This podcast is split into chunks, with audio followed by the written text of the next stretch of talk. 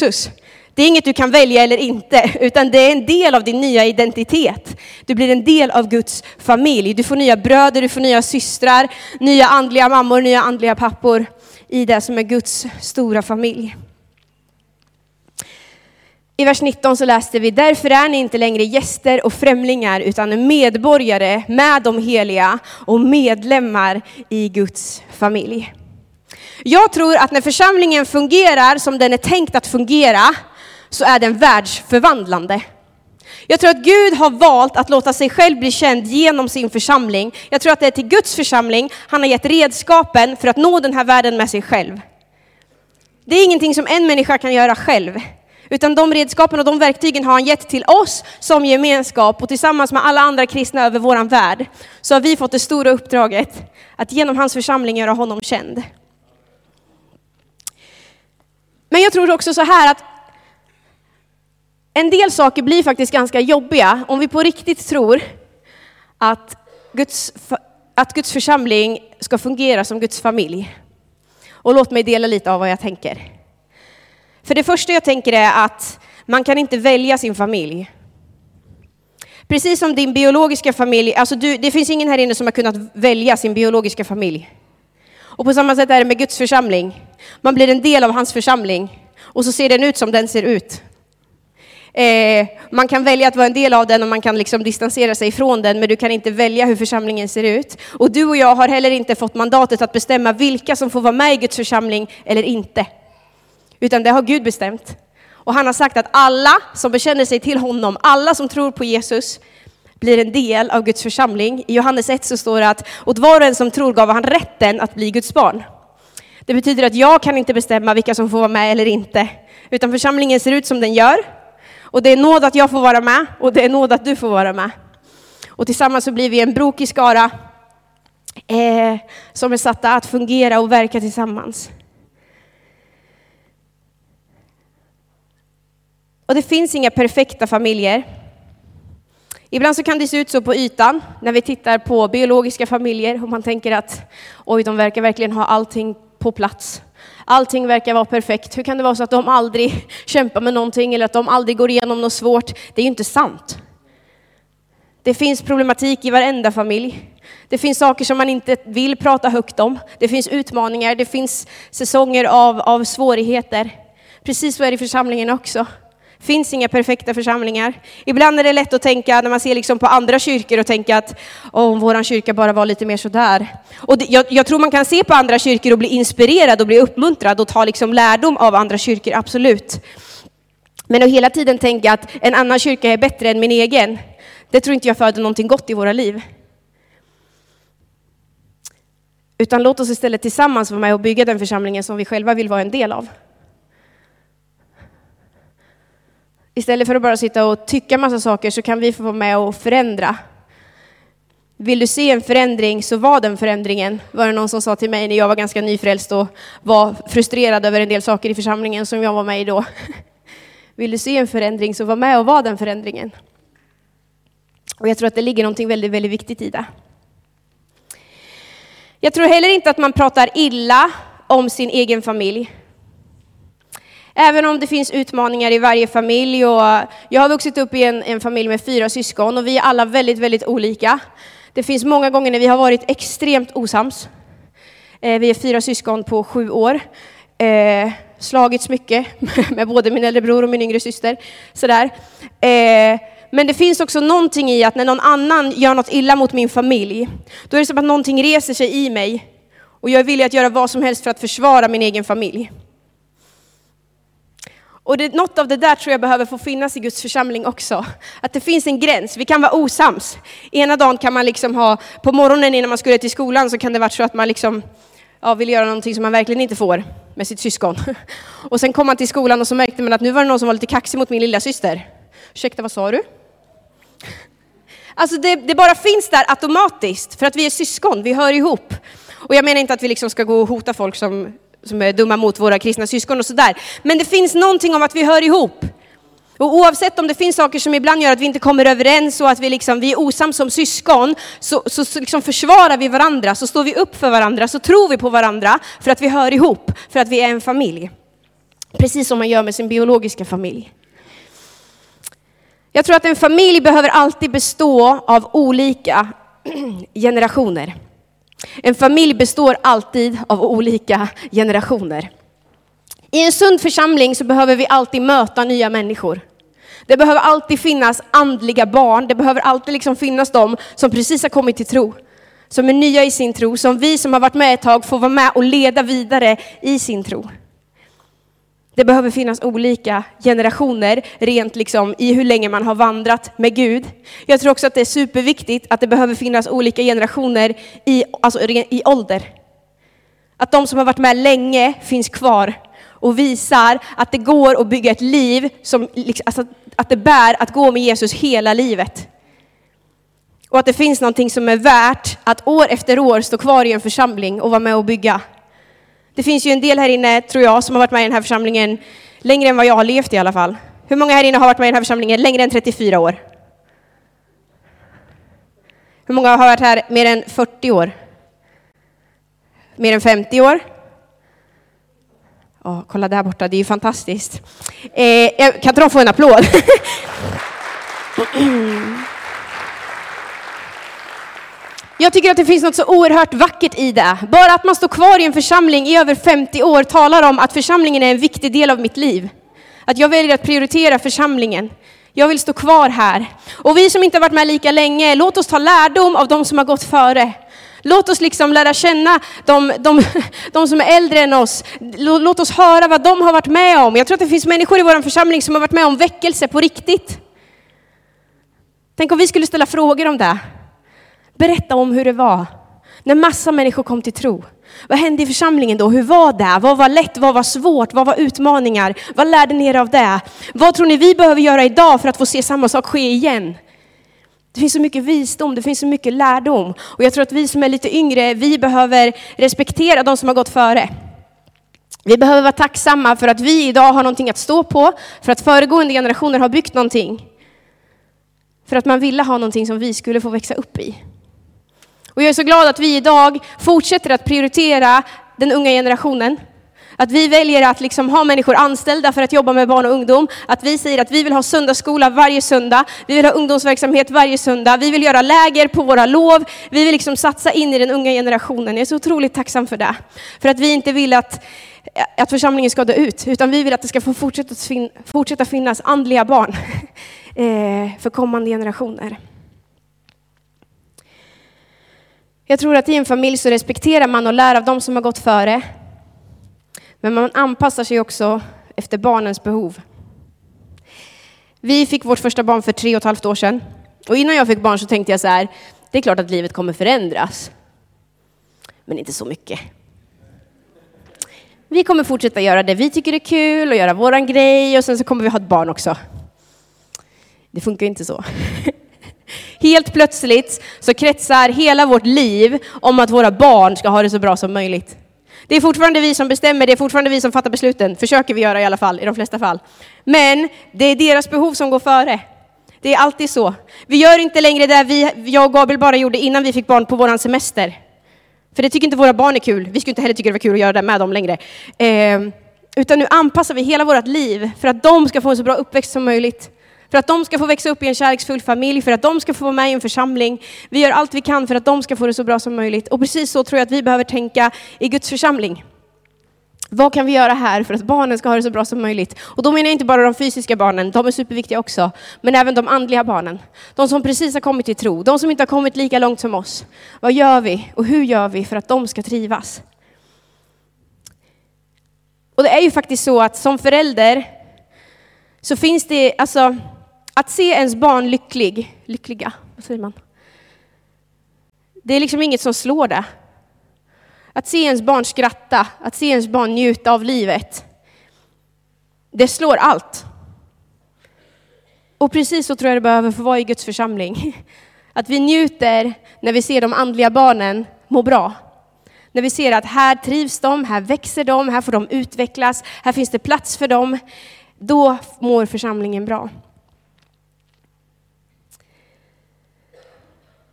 Jag tror att i Guds församling så behöver vi tänka långsiktigt för kommande generationer. Inte bara se här och nu och se att det vi gör idag är, det kan ju vara jättebra, jag tycker att mycket av det vi gör, bra, gör idag är jättebra. Men vad kommer hända sen? Vad är församlingen om 10 år, om 20 år, om 30 år? Och vilka är det som ska vara med och bära den här församlingen då? Min bön och längtan är att den här församlingen skulle vara ännu större då. Och att de som kommer efter mig ska få vara med om ännu större saker än vad jag har fått vara med om. Och jag tror att vi kan lära oss otroligt mycket av David i Bibeln. David fick en vision, han var en av, eh, ja, en av de största kungarna i Gamla Testamentet, han fick leda Israels folk. Och han fick en vision om att få bygga ett tempel till Gud. Det var liksom hans dröm, det var hans längtan att ja, åh, jag vill bygga ett stort och mäktigt tempel där liksom Guds närvaro ska få bo, dit hela Guds folk kan få komma och tillbe Gud. Då sa Gud till honom att det är inte du som ska bygga templet. Det ska din son göra. Det ska kommande generation göra. Då hade David kunnat satt sig ner, bli sur på Gud och tänka, jaha, får inte jag bygga templet, då tänker inte jag vara med. Det gör han inte. Utan vi ska läsa tillsammans i första krönikeboken 22 och vers 5. Där står det så här, David säger, min son Salomo är ung och vek, och huset som ska byggas åt Herren måste göras mycket stort, så att, så att det blir berömt och prisat i alla länder. Därför ska jag göra förberedelser för det. Så gjorde David en stor mängd förberedelser före sin död. Jag tycker att det här är så otroligt inspirerande. David visste att Salomo kommer inte klara det här själv. Jag behöver hjälpa honom. Så står det att han gör en stor mängd förberedelser för att Salomo, nästa generation, den som kommer efter honom, skulle lyckas så bra som möjligt. Och om vi läser vidare så kan vi läsa om hur David samlar in material till bygget, han samlar in kunniga människor som ska vara med och bygga. Han gör allt han kan för att förbereda Salomo för det projektet som väntar. Tänk om vi skulle tänka så i församlingen. Att vi skulle förbereda för kommande generationer, tänka, vad är det Gud har lagt i min hand som jag kan få förbereda någon annan för att ta vidare när jag inte längre gör det? Så att det inte bara ska fortsätta vara exakt som det är idag, utan för att någonting ska kunna fortsätta växa, för att någonting ska kunna bli ännu större i Guds rike.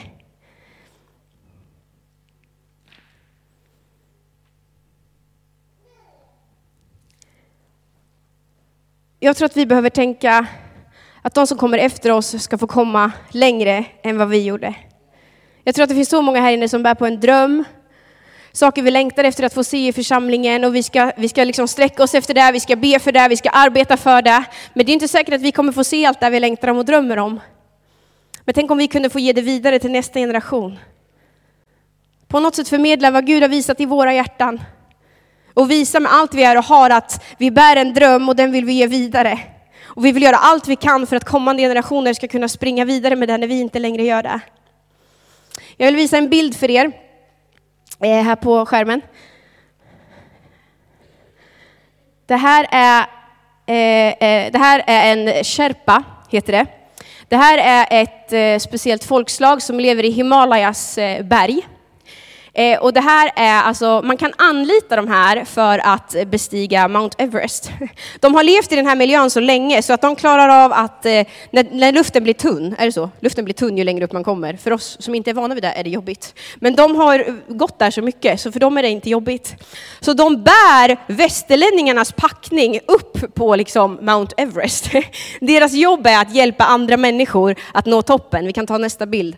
Så får vi se också här hur hur en sherpa bär en större väska än den som går bredvid och ska liksom leda henne mot toppen. Precis så här tror jag att vi kan få tänka i Guds församling. Att mitt uppdrag kan få vara att hjälpa någon annan att lyckas. Hur hjälper jag den som inte har kommit lika långt som mig att nå toppen? För jag tror att om du har varit med ett tag, om du har varit med längre, då bär du på visdom, då bär du på kunskap, du bär på saker som den som är nyare i tron än dig inte gör. Och det kan du få vara med och förmedla vidare och ge vidare. I en familj så vill vi att de som kommer efter oss ska komma så långt som möjligt. Och vi vill hjälpa dem att nå toppen. Precis så som de här Sherpasen gör. Och det kan ju vara så att när jag, när jag säger det här så sitter du här som kanske har varit med ett tag och tillhör liksom den äldre generationen eller så. Då sitter du här och känner att ja, hon tycker jag är oviktig. Hon säger att det enda som är viktigt är de unga. Och då vill jag säga, det är ju precis tvärtom. Jag säger att du är så otroligt viktig. Du är så otroligt viktig för kommande generationer. Nu, här och nu, så kan du få vara med och påverka, inte bara det som sker här och nu, utan även vad som sker efter att du är med. Du är så otroligt viktig. Du kan få vara en andlig mamma, en andlig pappa, du kan få ta dig an någon, du kan få föra någonting vidare, du kan få leda en annan människa i tro. Vi kan se när vi läser om David att han var otroligt noga med överlämnandet av vad Gud hade liksom gett honom. I första krönikeboken 28, vers 11. Första krönikeboken 28 och 11 så står det så här. David gav sin son Salomo en mönsterbild av förhuset och tempelbyggnaderna och av förrådskamrarna, de övre salarna och den inre muren och, och rummet för nådastolen. Han gav honom en mönsterbild av allt som han hade fått genom anden beträffande förgårdarna till Herrens hus.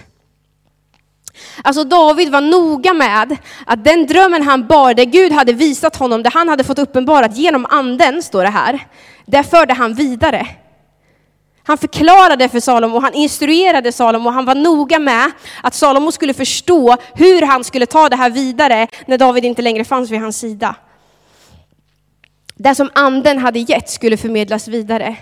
Och jag tror att det är precis det som vi kan få göra i Guds församling. Det anden har gett, det är det som ska förmedlas vidare. Uttryck kan förändras, former kan förändras, hur vi gör saker kan förändras, men anden är densamme. Och tonen är densamme. Och jag blir så uppmuntrad ibland när jag hör det, när liksom, ni som har varit med ett tag och vi står och pratar om kanske vad som händer liksom bland de unga just nu. Och ni beskriver liksom att jag känner igen tonen. Jag känner igen tonen. Det kan vara mycket i uttryck och form och färg och allt det här som man inte förstår. Men man känner igen tonen. För det är anden. Det är samma ande som verkar och det är samma ande som kommer fortsätta verka. Du och jag kan få vara med och ge de som kommer efter oss de absolut bästa förutsättningarna att lyckas. Det Salomo gör, det är att han lyssnar. Och han gjorde sig redo för det som David ville förbereda honom för. Och jag tänker att där har en ung generation ett otroligt viktigt uppdrag. Att faktiskt göra sig redo. Att visa att yes, jag vill vara med och ta vid. Jag vill vara redo för det som kommer. Lika viktigt som det är för den som lämnar över någonting så är det viktigt för den som tar emot någonting att vara redo. Att visa att jag vill lära mig. Låt mig få ta över någonting. Låt mig få vara med och ta ansvar. Jag vill vara en av de här som springer vidare. Och jag tycker om att se liksom Guds församling och vårt uppdrag som ett stafettlopp. Ingen av oss kommer vara med och göra allting för evigt. Så är det ju. Vi är med under en tid och när vi ser liksom på Guds församling genom årtusendena så är vi med en väldigt, väldigt liten bit i liksom Guds verk. Men vi har fått en tid. Och jag tror att vi har fått någonting att springa med för en tid. Och vi ska springa antingen tills vi lämnar den här jorden eller tills Jesus kommer tillbaka. Men vi har fått någonting att förvalta. Men jag tror att det är så viktigt att vi är noggranna med överlämningarna. Jag är ingen eh, idrottsmänniska, jag är liksom ingen proffslöpare, men jag vet att om du ska springa ett stafettlopp så är det överlämningarna som är liksom det kritiska momentet. Det är överlämningarna som är det som kommer avgöra om du vinner loppet eller om du förlorar loppet. Det spelar ingen roll om du har fyra eller åtta eller hur många man nu är, individuella liksom expertlöpare som är snabbast av alla, om alla de är sämst på överlämningarna. Utan det är ett otroligt finlir i det där med överlämningarna. Det handlar om att den som springer Eh, måste springa hela vägen fram tills nästa har tagit emot pinnen. Och det handlar om att den som ska ta vid nästa gång behöver börja springa innan man ska ta tag i pinnen för att komma upp i samma fart som den som redan springer. Och så finns det, ja det kanske är sekunder och det beror väl på hur fort man springer. Liksom det finns en kort, kort tid när man springer jämsides lika snabbt. Och det är där överlämningen sker. Och jag tror att det är de här övergångarna vi behöver hitta i församlingen. Där vi som har varit med längre behöver visa att hej, jag är redo att lämna över någonting här. Och de som kommer efter behöver visa, hej, jag är redo att ta emot någonting här. Inte bara stå och vänta och tänka när kommer den där pinnen, utan ta fart. Var med, visa att du vill springa. Och sen så märker man att nu är vi samtidigt här, nu har vi samma fart, nu är det dags att lämna över stafettpinnen. Det går inte att vinna ett stafettlopp om man bara kastar iväg pinnen så här och tänker att någon fångar den nog. Det kan ju hända, men chansen är ju otroligt liten. Eller att den som ska ta vid bara står och väntar och tänker att ja, men någon gång så kommer väl den där pinnen komma flygande och då tar jag den. Det behöver funka åt båda håll. Både den som ska lämna och den som ska ta vid behöver vara redo och göra vad man kan för att överlämnandet ska få bli så smidigt och bra som möjligt. Och sen så har vi olika löpstil och vi kommer göra saker på olika sätt. Och Gud verkar ju tycka om att göra saker på ett nytt sätt. Det är som att han utmanar oss att hela tiden göra det vi inte riktigt är bekväma med för att han ska få kontrollen. Så vi behöver också vara öppna för att saker och ting förändras. Men jag tror att vi var och en har fått, liksom, vi har fått någonting i vår hand att förvalta i Guds rike. Och inte bara som att okej, okay, nu har jag fått det här och nu ska jag hålla det för mig själv under en tid och sen när jag är klar, då släpper jag det och så går jag vidare.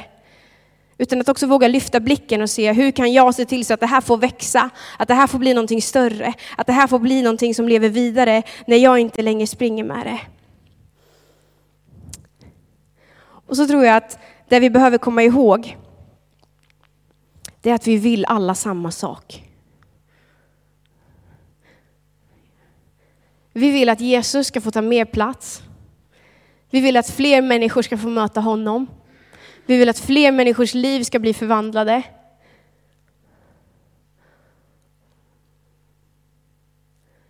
Låt oss aldrig glömma bort det. Vi vill samma sak.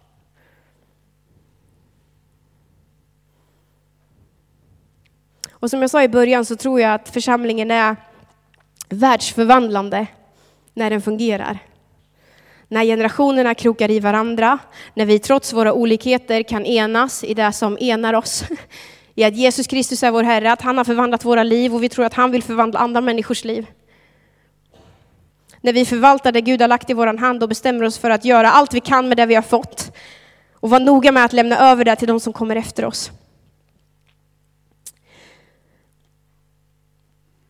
Då tror jag att församlingen kan få bli en kraft som förvandlar vår värld. Jag tror att församlingen kan få bli liksom en, en respekterad röst i vår stad. Vi är där på många sätt, vi gör fantastiskt mycket bra saker för vår stad. Men tänk om man bara visste att när livet är svårt, då är det till Pingstkyrkan jag ska gå. När det krisar i mitt äktenskap, då är det dit vi ska vända oss. När jag inte har mat att liksom kunna mätta mina barn, då är det dit jag ska gå. När vi inte vet hur vi ska göra i en krissituation, då är det dit vi ska gå. Tänk om vi bara var kända för det, att människor i vår stad visste det. Att det är dit vi ska gå, för där finns det människor som älskar. Där finns det människor som bryr sig. Där finns det människor som bär på någonting som är större än vad vi har erfarit. För jag är helt övertygad om att Guds familj är hans verktyg för att förändra den här världen. Och jag är stolt över att vara en del av den här församlingen. Det finns utmaningar, kommer alltid göra. Och de ska vi liksom inte ducka för, utan de tror jag vi ska be för. Och vi ska vara strategiska och vi ska söka liksom vägar framåt. Vi ska tacka Gud för allt som sker och allt det goda han gör. Men vi ska också lyfta blicken, se längre, se större, tro större. Jag tror aldrig vi kan tro för stort när vi har med Gud att göra.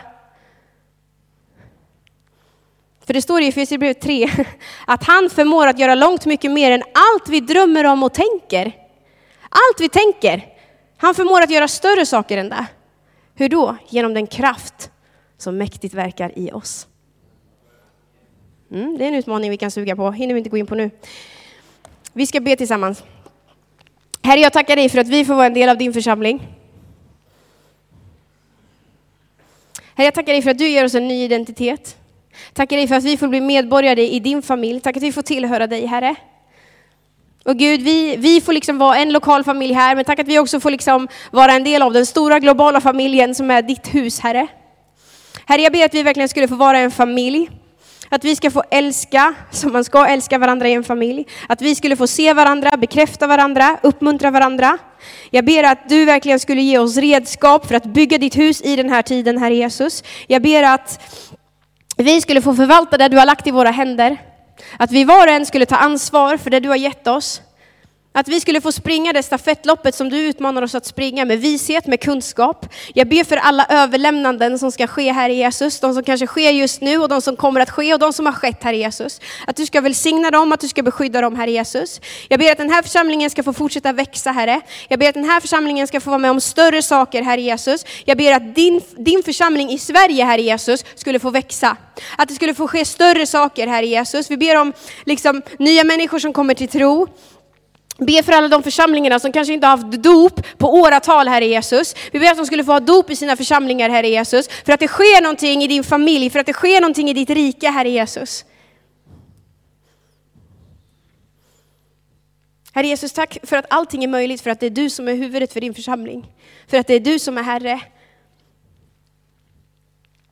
Tack för allt du gör, tack för allt du har gjort och tack för allt du kommer att göra. Tack för att det inte finns några oviktiga delar i din familj, utan vi får alla vara med. Be att du ska välsigna fortsättningen av den här gudstjänsten. I Jesu namn. Amen.